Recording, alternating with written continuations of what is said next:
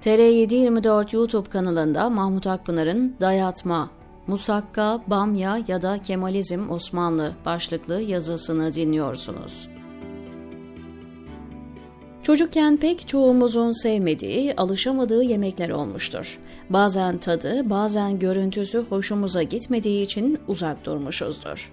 Hiç tatmadığı, lezzetini bilmediği halde bu tür yemeklere şartlı bakan, mesafeli duran, hatta iğrenen insanlar da vardır.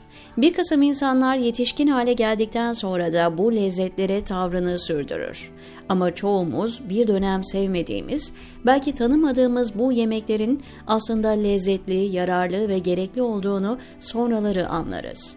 Bamyayı, karnabaharı çocukken ben de sevmezdim. Şimdilerde keşke olsa da yesem dediğim çoktur. İnsanın damak tadının, bilgi ve bilinç düzeyinin, tecrübesinin yeterince gelişmediği dönemlerde yanlış bilgilenmekten, eğitim hatalarından kaynaklanan ön kabulleri oluyor. Buradan nereye varmak istiyorum? Bir ülkede yaşayan farklı toplum kesimlerini bir sofra etrafında çevrelenmiş aile bireylerine benzetebiliriz.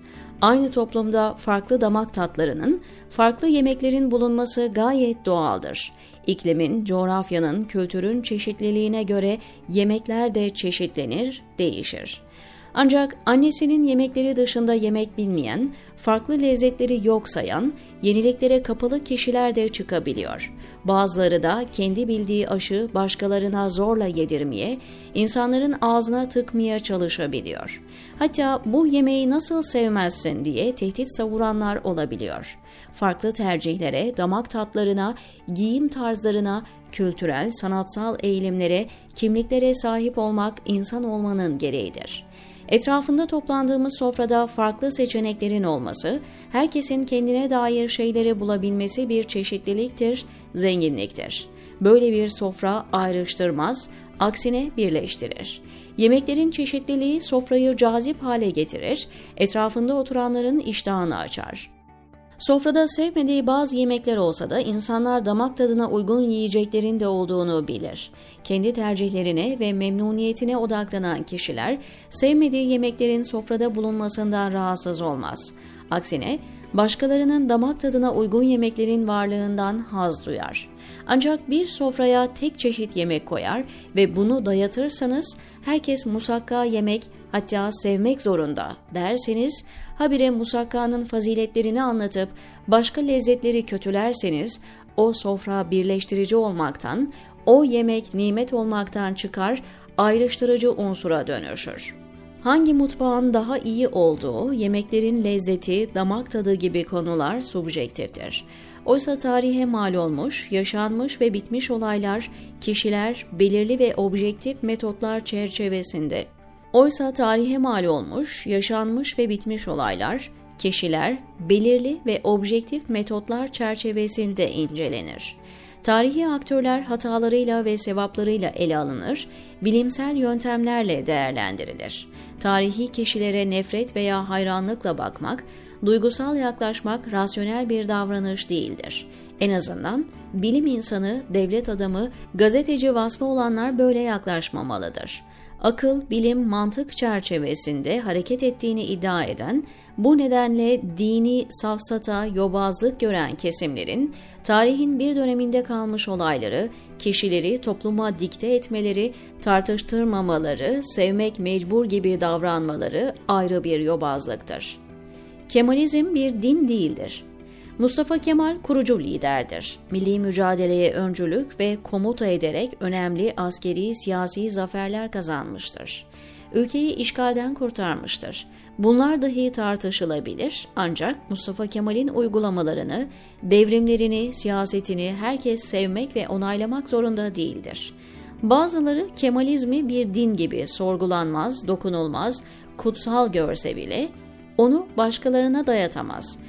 Kemalist yaklaşımlar sofradaki farklı lezzetler gibi bir çeşitlilik olabilir. Ama yıllarca yapıldığı üzere herkese dayatılırsa ayrışma, kavga, gerilim getirir. Tarihi bazı olaylar, kişiler sofradaki farklı tatlara benziyor. bir ideolojinin propaganda aracına dönüştürülüp dayatılınca zorla yedirilen musakka ve bamya etkisi yapıyor. Bu eleştiri sadece Kemalistlerin dayatmalarına yönelik değil, İslamcıların, muhafazakarların, diğer ideolojik yaklaşımların dayatmaları için de geçerli. Mustafa Kemal'i herkes sevmek zorunda olmadığı gibi Fatih Sultan Mehmet'i, Yavuz Sultan Selim'i de sevmek zorunda değil. Mehmet Akif'i herkes sevmek zorunda olmadığı gibi Nazım Hikmet'i de sevmek zorunda değil. Tarihten figürleri sembolleştirip ideolojik forma sokup dayatmak ayrıştırmaya ve nefrete neden oluyor. Bamyayı, musakkayı çocukken sevmezdim ama artık favori yemeklerim arasındalar. Mustafa Kemal, Kemalizm bana hep itici geldi. Eğitim sisteminden kaynaklanan dayatmalar, zoraki merasimler, sevmeye mecbur hissettiren üstenci tutumlar, kibirli söylemler daha da antipatik hale getirdi. Kemalizm namına yapılan endoktrinasyonu, dayatmaları hala kabullenmiyorum, yararlı da bulmuyorum. Ama artık Kemalizmi ve Atatürkçüleri sofrada olması gereken bir çeşitlilik olarak görüyorum. Zira beraber yaşadığımız toplum içinde onu seven, ondan hoşlananlar olduğunu biliyorum. Mustafa Kemal'e nefret veya hayranlık penceresinden bakmıyorum. Onu kritik akla ve tarihe emanet edilmesi gereken askeri siyasi lider olarak görüyorum.'' Bamya, musakka gibi yemekler bazıları tarafından ilelebet sevilmeyebilir. Kimisi bu lezzetlere zamanla alışabilir, kimisi kerhen kabullenir. Kimisi yararlarını sonradan keşfeder. Sonuçta insanoğlu değişen, gelişen, öğrenen bir varlık ve bazı alışkanlıklarını değiştiriyor, diyor Mahmut Akpınar TR724'deki köşesinde.